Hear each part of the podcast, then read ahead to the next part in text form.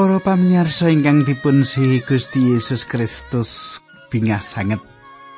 Dene kula saged pinanggih malih kalian panjenengan kados pun dipawartos panjenengan para pamirsa menapa panjenengan dipun berkahi Gusti wonten ing kahanan ingkang bingah ing wanci menika. Pantungo kula panjenengan kados makaten tansah binerkahan dening Gusti lan tansah wonten ing salebetipun berkahipun Gusti. Nah, para pamirsa kados padatan kula suwan dhateng panjenengan badhe ngancani panjenengan anggegilut pangandikanipun Gusti wonten ing salebetipun adicara margi utami. Ing wanci menika sampun ngancik kalih Korinta bab sekawan ayatipun setunggal ngantos 6 nggih mekaten menawi panjenengan bika pangandikanipun Gusti saged kapika wonten ing kalih Korinta bab sekawan ayat setunggal ngantos 6.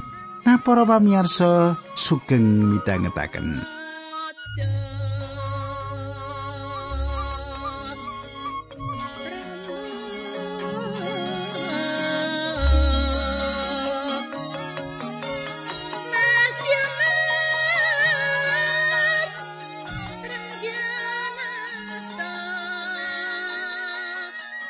Para pamirsa menapa panjenengan tasih kemutan menapa ingkang kula aturaken duk pepanggihan kepengker menika?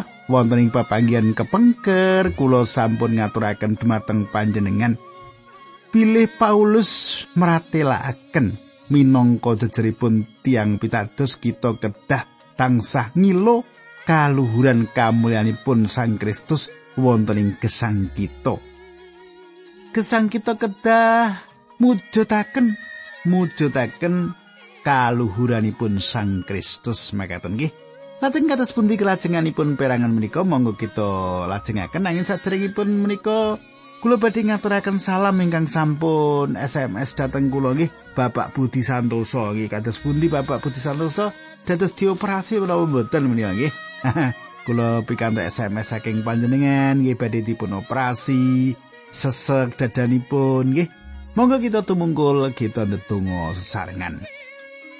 Duh Kanjeng Rama ingkang ngadhep dampar wonten kraton ing kasuwargan kawula ngaturaken gunging panuwun menawi wekdal menika kawula saged tetunggilan kalian sedherek kawula ingkang setya tuhu midhangetaken adicara menika.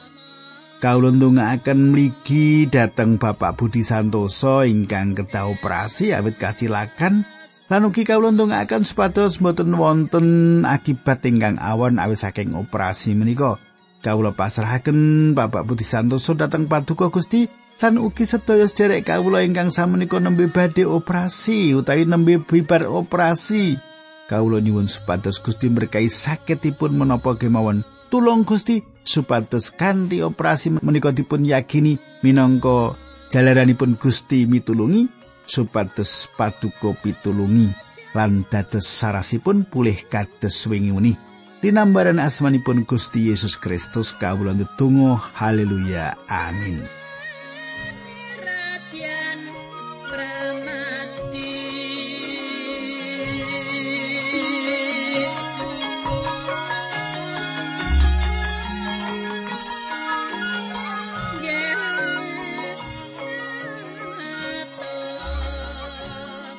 Kadang kula ingkang kula tresnani samenika kita lumebet ing kalih Korinta bab sekawan utawi kalih Korintus bab sekawan. Menawi kita semak ira-iranipun nggih menika panglipuran Gusti Allah ing salebetipun kasangsaran kangge ngladosi Sang Kristus. Para pamirsa ing pasal menika kita manggihaken wawasan sanes kekayutan kalian panglipuranipun Gusti Allah. Kita sampun sinau panglipuran Gusti Allah atas rancangan-rancangan gesang ing salebetipun pasal setunggal.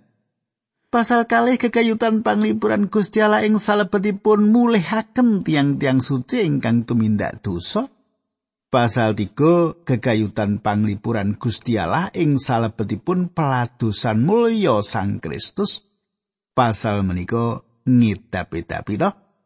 Samenika kita boten badhe mandap saking gunung nanging kita badhe manggihaken ing mriku kalian ningali panglipuran Gusti Allah ing salebetipun kasangsaran kangge ngladosi Sang Kristus.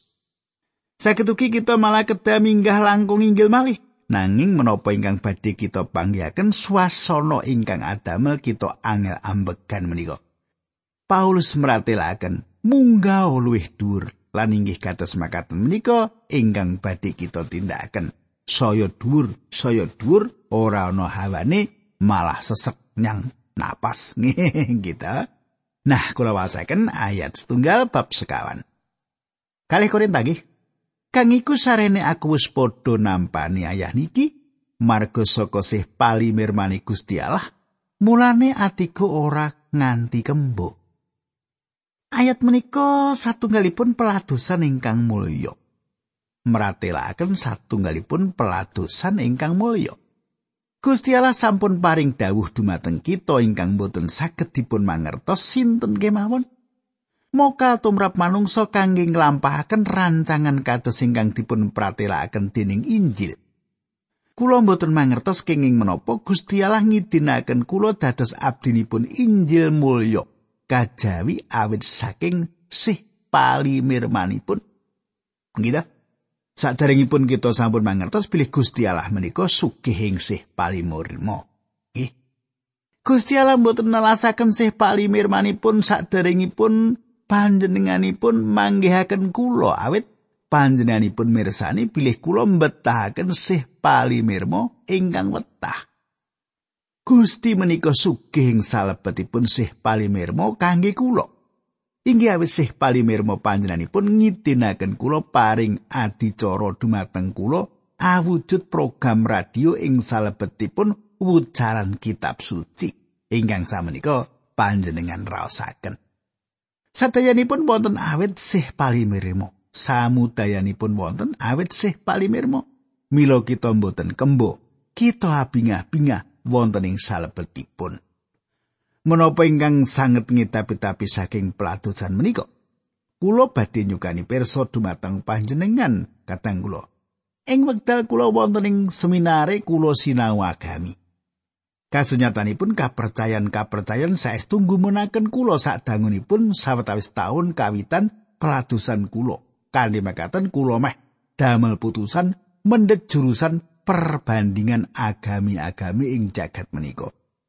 Kulo kepingin panjenengan mangertos bentenipun antawisipun kekristenan. Kalian Injil sih rahmat Allah kalian agami-agami jagat. Bentenipun saged gampil dipun pratelaken ing salebetipun satunggal tembung. Sedaya kapercayan ing jagat menika sanjang tindakno, tindakno, tindakno. Injil meratelaken wis rampung. Injil maringi mangertos kula pilih Gusti Allah sampun nindakaken satunggalipun perkawis kangge kula. Kula kedah pitados Injil menika kula pitados dumateng panjenenganipun. Satunggal-tunggalipun cara kula saged sowan dumateng panjenenganipun inggih menika kanthi iman. Inggih menika cara kula nyaket dumateng panjenenganipun. Cupi panjenengan semak Ibrani 11 ayat 6. Nanging menawa tanpa pracaya muka yen dadekake keparenge Allah. Lelawanan kalian perkawis menika kapercayan kapercayan. Aliran-aliran ing negari menika meratelaken sinten kemawon kedah tos bener ing ngarsanipun Gusti Allah. Satunggal aliran sanjang pilih wonten sekawan perkawis sing dadekke wong yekta sing ngarsanipun Gusti Allah. Ingkang satunggalipun meratelaken wonten pitu perkawis ingkang kedah panjenengan tindakaken supados yekta sonten ing ngarsanipun Gusti Allah. Ingkang sanesipun nyukani sedasa perkawis ingkang kedah panjenengan tindakaken. Inggih menika dosa titah. Sawetawis aliran meratelaken pilih panjenengan kedah iman. Nanging dening iman, aliran-aliran menika mboten gadah kekajengan pitados dumateng Gusti Yesus Kristus. Nanging sejarah ngakeni bilih Gusti Yesus gesang lan panjenenganipun sedo langkung sewu sangatus tahun kepengker. Namung kanthi pitados menawi Gusti Yesus sedo, mboten badhe milu jengaken panjenengan.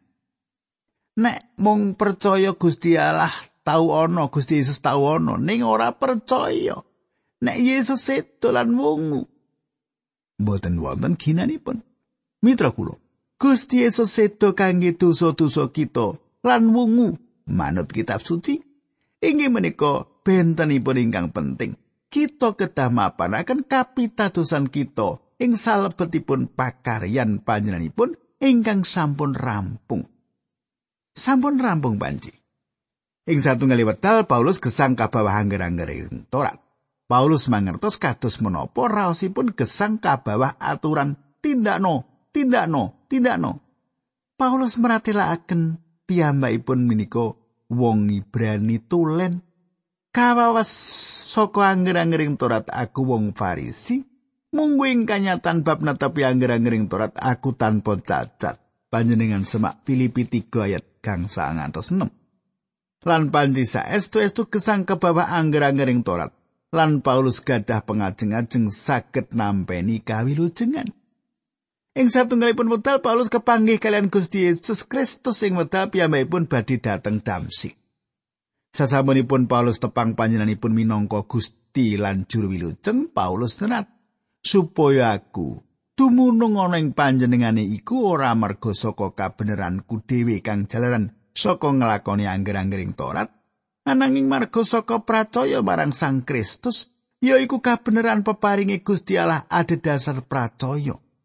Panjenengan saged semak Filipi 3 ayat 8 ngantos 9 Sasampunipun Paulus pinanggih Gusti Yesus Kristus Paulus ngrumaosi bilih piyambakipun boten saged nindakaken angger-angger Torat menika kanthi kegiatan piyambak kayektosan menapa kemawon ingkang dipun tindakaken lumantar angger-angger Torat dereng cekap.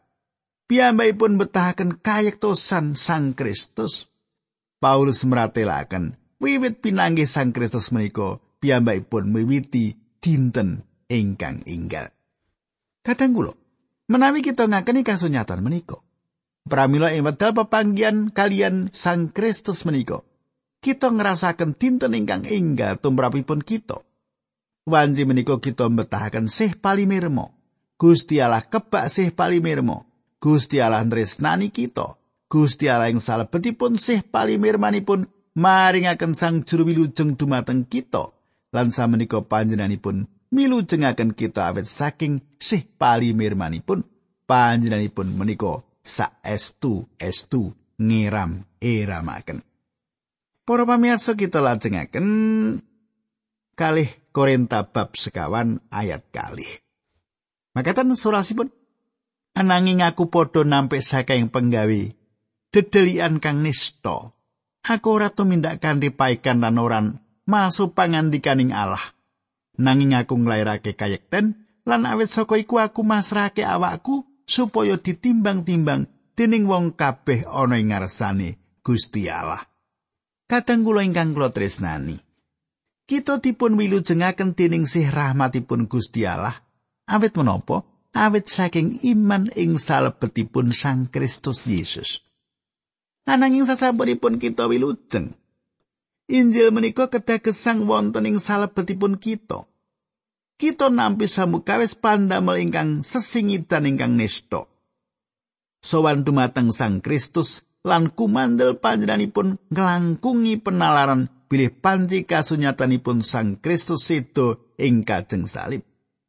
Iman ingkang kados makaten menika andadosaken kita nglampahi kaenggalaken dening panjenenganipun. Ing wedal Sang Kristus milu jengaken kita, kita kedah dados patuladan Injil. Kanthi tembung sanes, tiang ingkang mucalaken Injil kedah gesang suci. Paulus meratelaken bilih kita nampik saking penggawe dedelian kang nista. Kadang kula kita mboten kenging gesanging salebetipun lelamisan. Patrap gesang kita ketahipun boten lelawanan kalian menapa ingkang kita wucalaken. Patrap gesang kita ketahipun selaras kalian menapa ingkang dados keparengipun Gusti Yesus Kristus. Kita panci boten sempurna, nanging gesang kita ketah wonten ing margi ingkang dados keparengipun Gusti. Kita mboten maso pangandikanipun Gusti Allah. Wonten ingkang jarwaken tembung menika ditawa-tawa menawi saged selaras kalian kesagetanipun. Kita mboten saged kados makaten menawi kalian pangandikanipun Gusti Allah aja ditawa-tawa. Menapa ingkang dipun pratelaken menika wonten sesambetanipun kalian gesang kita. Panjenengan ngendika, bilih panjenengan khotbah awit panjenengan tresnani jiwa-jiwa, nanging menapa panjenengan saestu tresnani jiwa-jiwa? Utawi namung demi arto. Nggih, demi arto. Nah, kekayutan kalian perkawis menika kadang kula kula perlu ndadar manah piyambak. Paulus nenat malah bilai aku menawa aku ora ngabarake Injil. Setunggal Korinta gangsal ayat 16. Katang kula, tiang saged kemawon mucalaken Injil lan saged sanjang bilih samukais menika kedah leres. Nanging ewedal ingkang sami patrap gesangipun saged nglantaraken perkawis ingkang sanes. Ora padha karo ucapane. Kula ndedonga mligi kegayutan kalian perkawis menika ing salebetipun pribadi kula. Donga kula ngeten. Duh Gusti, ampun ngantos kula khotbah saderengipun telenging manah kula resik. Lan ampun ngantos kula khotbah mboten kanthi panguwasipun Sang Roh Allah. Kula mboten badhe khotbah saderengipun kula gadah kali perkawis menika. Ngelaraken Injil menika pendamelan ingkang mulya, nanging saestu ngekirisi menawi kita martosaken Injil nanging ing salebetipun manah kita mboten wonten ketulusan mboten wonten niat manembah panjenenganipun lan kurang yakin dumateng panjenenganipun. Para pamirsa, sayektosipun pangandikan menika katujuaken dumateng tiang-tiang Kristen. Menapa panjenengan purun dados seksinipun Sang Kristus? Panjenengan menika seksinipun Sang Kristus nanging ugi saged panjenengan piyambak badhe nglawan panjenenganipun. Kanthi patrap ingkang boten selaras kalian kersanipun Gusti. Ing wekdal Paulus ngorehaken kekayutan peladusan ing mriki para pamirsa. Paulus mboten gayutaken dumateng pendeta utawi tiang ingkang mucal ing mimbar, nanging Paulus ngorehaken dumateng tiang-tiang ingkang lenggah wonten ing bangku gereja. Tiang ingkang ngadeg wonten ing mimbar gadah tugas nglatih tiang-tiang supados saged nindakaken peladusan. Tugasipun kita inggih menika mbiyantu njangkepi tiang-tiang menika supados saged nindakaken pendamelan peladusan menika. Kadang kula, menapa panjenengan nindakaken menapa-menapa kangge nglaraken pangandikanipun Gusti? Inggih kados makaten menika ingkang dipun sebat ngaturaken paseksi. Saged ugi Gusti Allah maringaken panjenengan ganjaran kasukman limpat pados harta. Menapa kanthi ganjaran kasukman ingkang kados makaten menika panjenengan kalian gelaraken pangandikanipun Gusti? Saged ugi panjenengan menika priya utawi wanita ingkang tikenanggenipun donga nyuwunaken pangapunten dumateng Sang Juru Khotbah lan ingkang mucalaken pangandikanipun Gusti. Panjenengan gadah pasrawungan kalian tiang-tiang ingkang angel dados tiang pitados Gusti Allah nimbali panjenengan supados panjenengan dados seksi.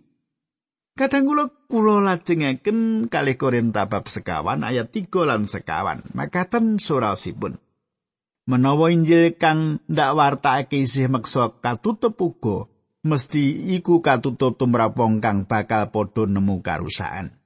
Yaiku wong kang ora percaya, kang ngangen-angene wis dipicakake dening alai jaman iki teman wong mau ora padha ndeleng cahyaning Injil kamulyane Sang Kristus kang dadi citrane Gusti Allah. Kadang kula panjenengan gatosaken alai jaman iki. Saenipun dipun jarwaken Allah jaman menika. Kula mboten remen mireng iblis dipun mestani Allah jaman samenika. Iblis menika Allah jaman samenika. Iblis menika ingkang ngendhaleni. Iblis ingkang ngendhaleni sedaya papan-papan hiburan. Piyambakipun ngendhaleni sedaya tontonan. Kados ingkang kula mangertos, iblis menika Allah jaman samenika. Walaupun kula mboten remen sesebatan menika. Kadang kula wong kang ora percaya kang angen-angene wis dipicake dening iblis. Menapa nate panjenengan mireng tiang sanjang? Aku ora paham karo Injil kuwi. Aku wis ngrungokake sauripku nang Injil ora ana apa-apane kanggoku. Asring kula mireng tiang ingkang sanjang kados mekaten menika. Menapa ingkang dumados? Iblis sampun micakaken tiang-tiang menika. Cahya menika sumunar. nanging iblis muta akan meripatipun kanthi makaten tiang-tiang menika mboten saged ningali cahya menika. ingkang dipun pratelakaken menika pengimutaken kula buruh-buruh ing satunggalipun pabrik tambang sasampunipun tambang menika jeblok. Tim ingkang badhe nyelametaken buruh-buruh menika betul lampu listrik ing pundi para buruh kalawa kajebak. Wonten buruh nem-neman menika sanjang. Kenapa? Tim kang ngarep nyelametake kita iku ora nggawa lampu to? Tim menika kaget mireng sanjangipun nem-neman menika. Buruh nem-neman menika buta awit tambang ingkang jeblok menika iblis mutakaken kathah tiang tiang-tiang kelawa sancang kenapa kowe ora nguripake lampumu? Aku babar pisan ora bisa ndeleng Injil. Inggih menika wuta ingkang asalipun saking iblis. Kadang kula wonten tiang sanes ingkang sancang. Ana bab-bab ing kitab suci iki kang aku ora percaya aku ora ngerti kenapa aku mung aku ora percaya baik Sawetawis ingkang kapengker kula nampi serat saking satunggal derek ingkang dakwa kula mucalaken Injil ingkang boten leres lan tiyang menika boten pitados bilih kitab suci menika leres. Kula mbales seratipun. Ing antawisipun kula sanjangaken dhateng tiyang menika bilih ing salebetipun kula maos Injil boten wonten patrap gumedhe lan bodho kados serat menika. Nanging menapa panjenengan mangertos ingkang dados perkawisipun sederek menika katang kula? mboten perkawis kitab suci nipun mboten awit saking nggenipun mboten pitados dumateng kitab suci nanging sejatosipun sederek menika gesangipun wonten ing salebetipun dosa inggih menika dosa ingkang dipun ipati-pati kitab suci Kanthi makaten piyambakipun boten pitados inggih kados makaten menika kahanan kathah tiyang ing jaman samenika. Kadang kula perkawisipun boten wonten ing kitab suci Perkawisipun inggih menika wonten ing patrap gesangipun tiang-tiang menika. Menawi panci panjenengan badhe gesang wonten ing salebetipun dosa panjenengan saged kemawon nindakaken dosa menika. Inggih menika ruginipun panjenengan. Nanging tetep wonten wewengan panjenengan saged mertobat dumateng Sang Kristus. Ampun ngantos panjenengan sanjang boten saged. Panjenengan saged mertobat dumateng Sang Kristus menawi panjenengan purun. Wonten wekdalipun tiang dosa sanjang, aku siap ninggalake dosaku aku gelem nampani Sang Kristus dadi juru slametku. Menawi kados makaten tiyang menika badhe wilujeng, pangandikanipun Gusti menika pepadang tinimbang panjenengan boten saged ningali padang menika lan ugi tinimbang panjenengan nglepataken kitab suci kenging menapa panjenengan boten ngaturaken dosa panjenengan menika wonten ing ngarsanipun Gusti Allah. Menawi sampun makaten panjenengan boten badhe nglampahi kangilan pitados dumateng Injil. Kadang kula Kulo badhe ngaturaken cuplikan menapa ingkang dipun ngendikaken Isaac Newton. Sampun mesti mboten wonten ingkang badhe sanjang bilih Isaac Newton menika mboten pinter lan mboten gadah kelantipan ingkang ngidapi-dapi. Ing satunggalipun dinten wonten tiyang ingkang sanjang dumateng Pak Isaac Newton menika. Pak Isaac, kula mboten mangertos panjenengan ketingalipun pitados dumateng kitab suci kados lari alit. Kulo sampun nyobi nanging gagal lho, Pak. Kata pangandikanipun ingkang boten wonten apa-apanipun kangge kula. Kula boten saged pitados. Kula boten saged mangertos menapa ingkang dipun pratelakaken kitab suci menika. Salajengipun wangsulanipun Pak Iksat Newton mekaten kala-kala. Ing wedha kula sinau lampu lilin ingkang kula angge sinau menika pecah. Kula badhe ngesangaken lampu nanging rek ingkang badhe kula angge ngesangaken menika katindian buku. Kula kedah mindahaken buku menika rumiyin sawe kula saged mendhet rek menika lan gesangaken lilinipun. Kekuatusan kula tumrap panjenengan inggih menika panjenengan tresnani dosa panjenengan. Dados anggen panjenengan boten pitados dumateng Injil menika panci kasengaja. Kadang kula monggo panjenengan sumarah dumateng Gusti Allah ing salebetipun pamratobat. Monggo panjenengan bikak manah panjenengan kersanipun Sang Roh Allah meratelaken kayektosan panjenenganipun dumateng panjenengan. Lan tundhonipun panjenengan badhe ngraosaken kabingan kunjuk panjenenganipun kangge meratelaken kamulyan si rahmat Allah ingkang sumunar ing wedananipun Sang Yesus Kristus. Isak Newton boten namung ilmuwan ingkang ngedapi-dapi nanging piyambakipun ugi satunggal juru khotbah ingkang ngedapi-dapi. King menapa tiang-tiang boten pitados awit iblis mutakaken tiang-tiang menika. Teman wong-wong mau padha ora ndeleng cahyaning Injil kamulyane Sang Kristus kang dadi citrane Gusti Allah. Injil menika mulya nanging Injil menika mulya awit Injil menika maratelaken kamulyanipun Sang Kristus. Katingalipun inggih ingkang kados makaten menika ingkang boten dipun kajengaken manungsa. Ayat gangsal. awit kang ndak wartakake iku dudu awakku dhewe nanging Gusti Yesus Kristus kang jumeneng Gusti lan aku kang padha dadi abdimu marga saka karsane Gusti Allah kadang kula kita mucalaken bilih Gusti Kristus Yesus menika Gusti panjenengan pitadosa panjenengan lan kula mboten gadah daya ing wekdal martosaken pangandikanipun Gusti. Wonten mengsa ingkang lumawan kita lan mengsah menika mutakaken pikiranipun tiang-tiang. Ayat 6 awit Gusti Allah kang wis ngendika saka ing pepeteng bakal ana pepadang kang sumorot iku uga kang nyorotake pepadang ana ing ati kita supaya kita kapadangan ing kawruh bab kamulyane Gusti Allah kang katingal ana ing wedanane Sang Kristus. Kadang kula Paulus wangsul ing wedal Gusti Allah nitahaken padang. Kula mboten mangertos kala menapa jagat saisinipun menika katitahaken. Kadah tiang ingkang pitados bilih supados tiang dados fundamentalis Milo tiang kedah pitados bilih Gusti Allah nitahaken jagat menika taun kawan ewu sekawan sakderengipun Kristus. Kula mboten tepang sirik fundamental ingkang gadah pemanggih kados makaten menika wangsul ing wiwitanipun Gusti Allah nitahaken jagat saesinipun menika. Gusti Allah mboten maringi mangertos tanggalipun. Gusti Allah kita menika Gusti Allah kelanggengan. Panjenenganipun mboten namung ongkang-ongkang suku kalian dolanan drijinipun kalian nenggo manungsa wonten. Kadang kula manungsa inggih menika titah ingkang wontenipun menika kantun piyambak. Nanging Gusti Allah sampun wonten dangu sanget.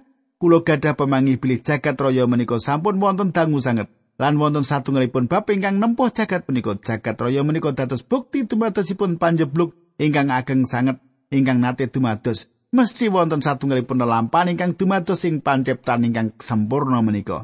Kita mangertos saking purwaning dumadi bab setunggal bilih Gusti Allah lumebet ing jagat raya. Sang Roh Allah nglayang ing sak nginggiling toya salajengipun Gusti Allah paring pangandikan dadio padang lan padang menika dumados monggo kita ndedonga Matur nuwun Gusti Yesus pangandikan paduka lan kawula pasrahaken sedherek kawula menika wonten ing asta paduka linambaran Gusti Yesus Kristus kawula ndedonga. Haleluya. Amin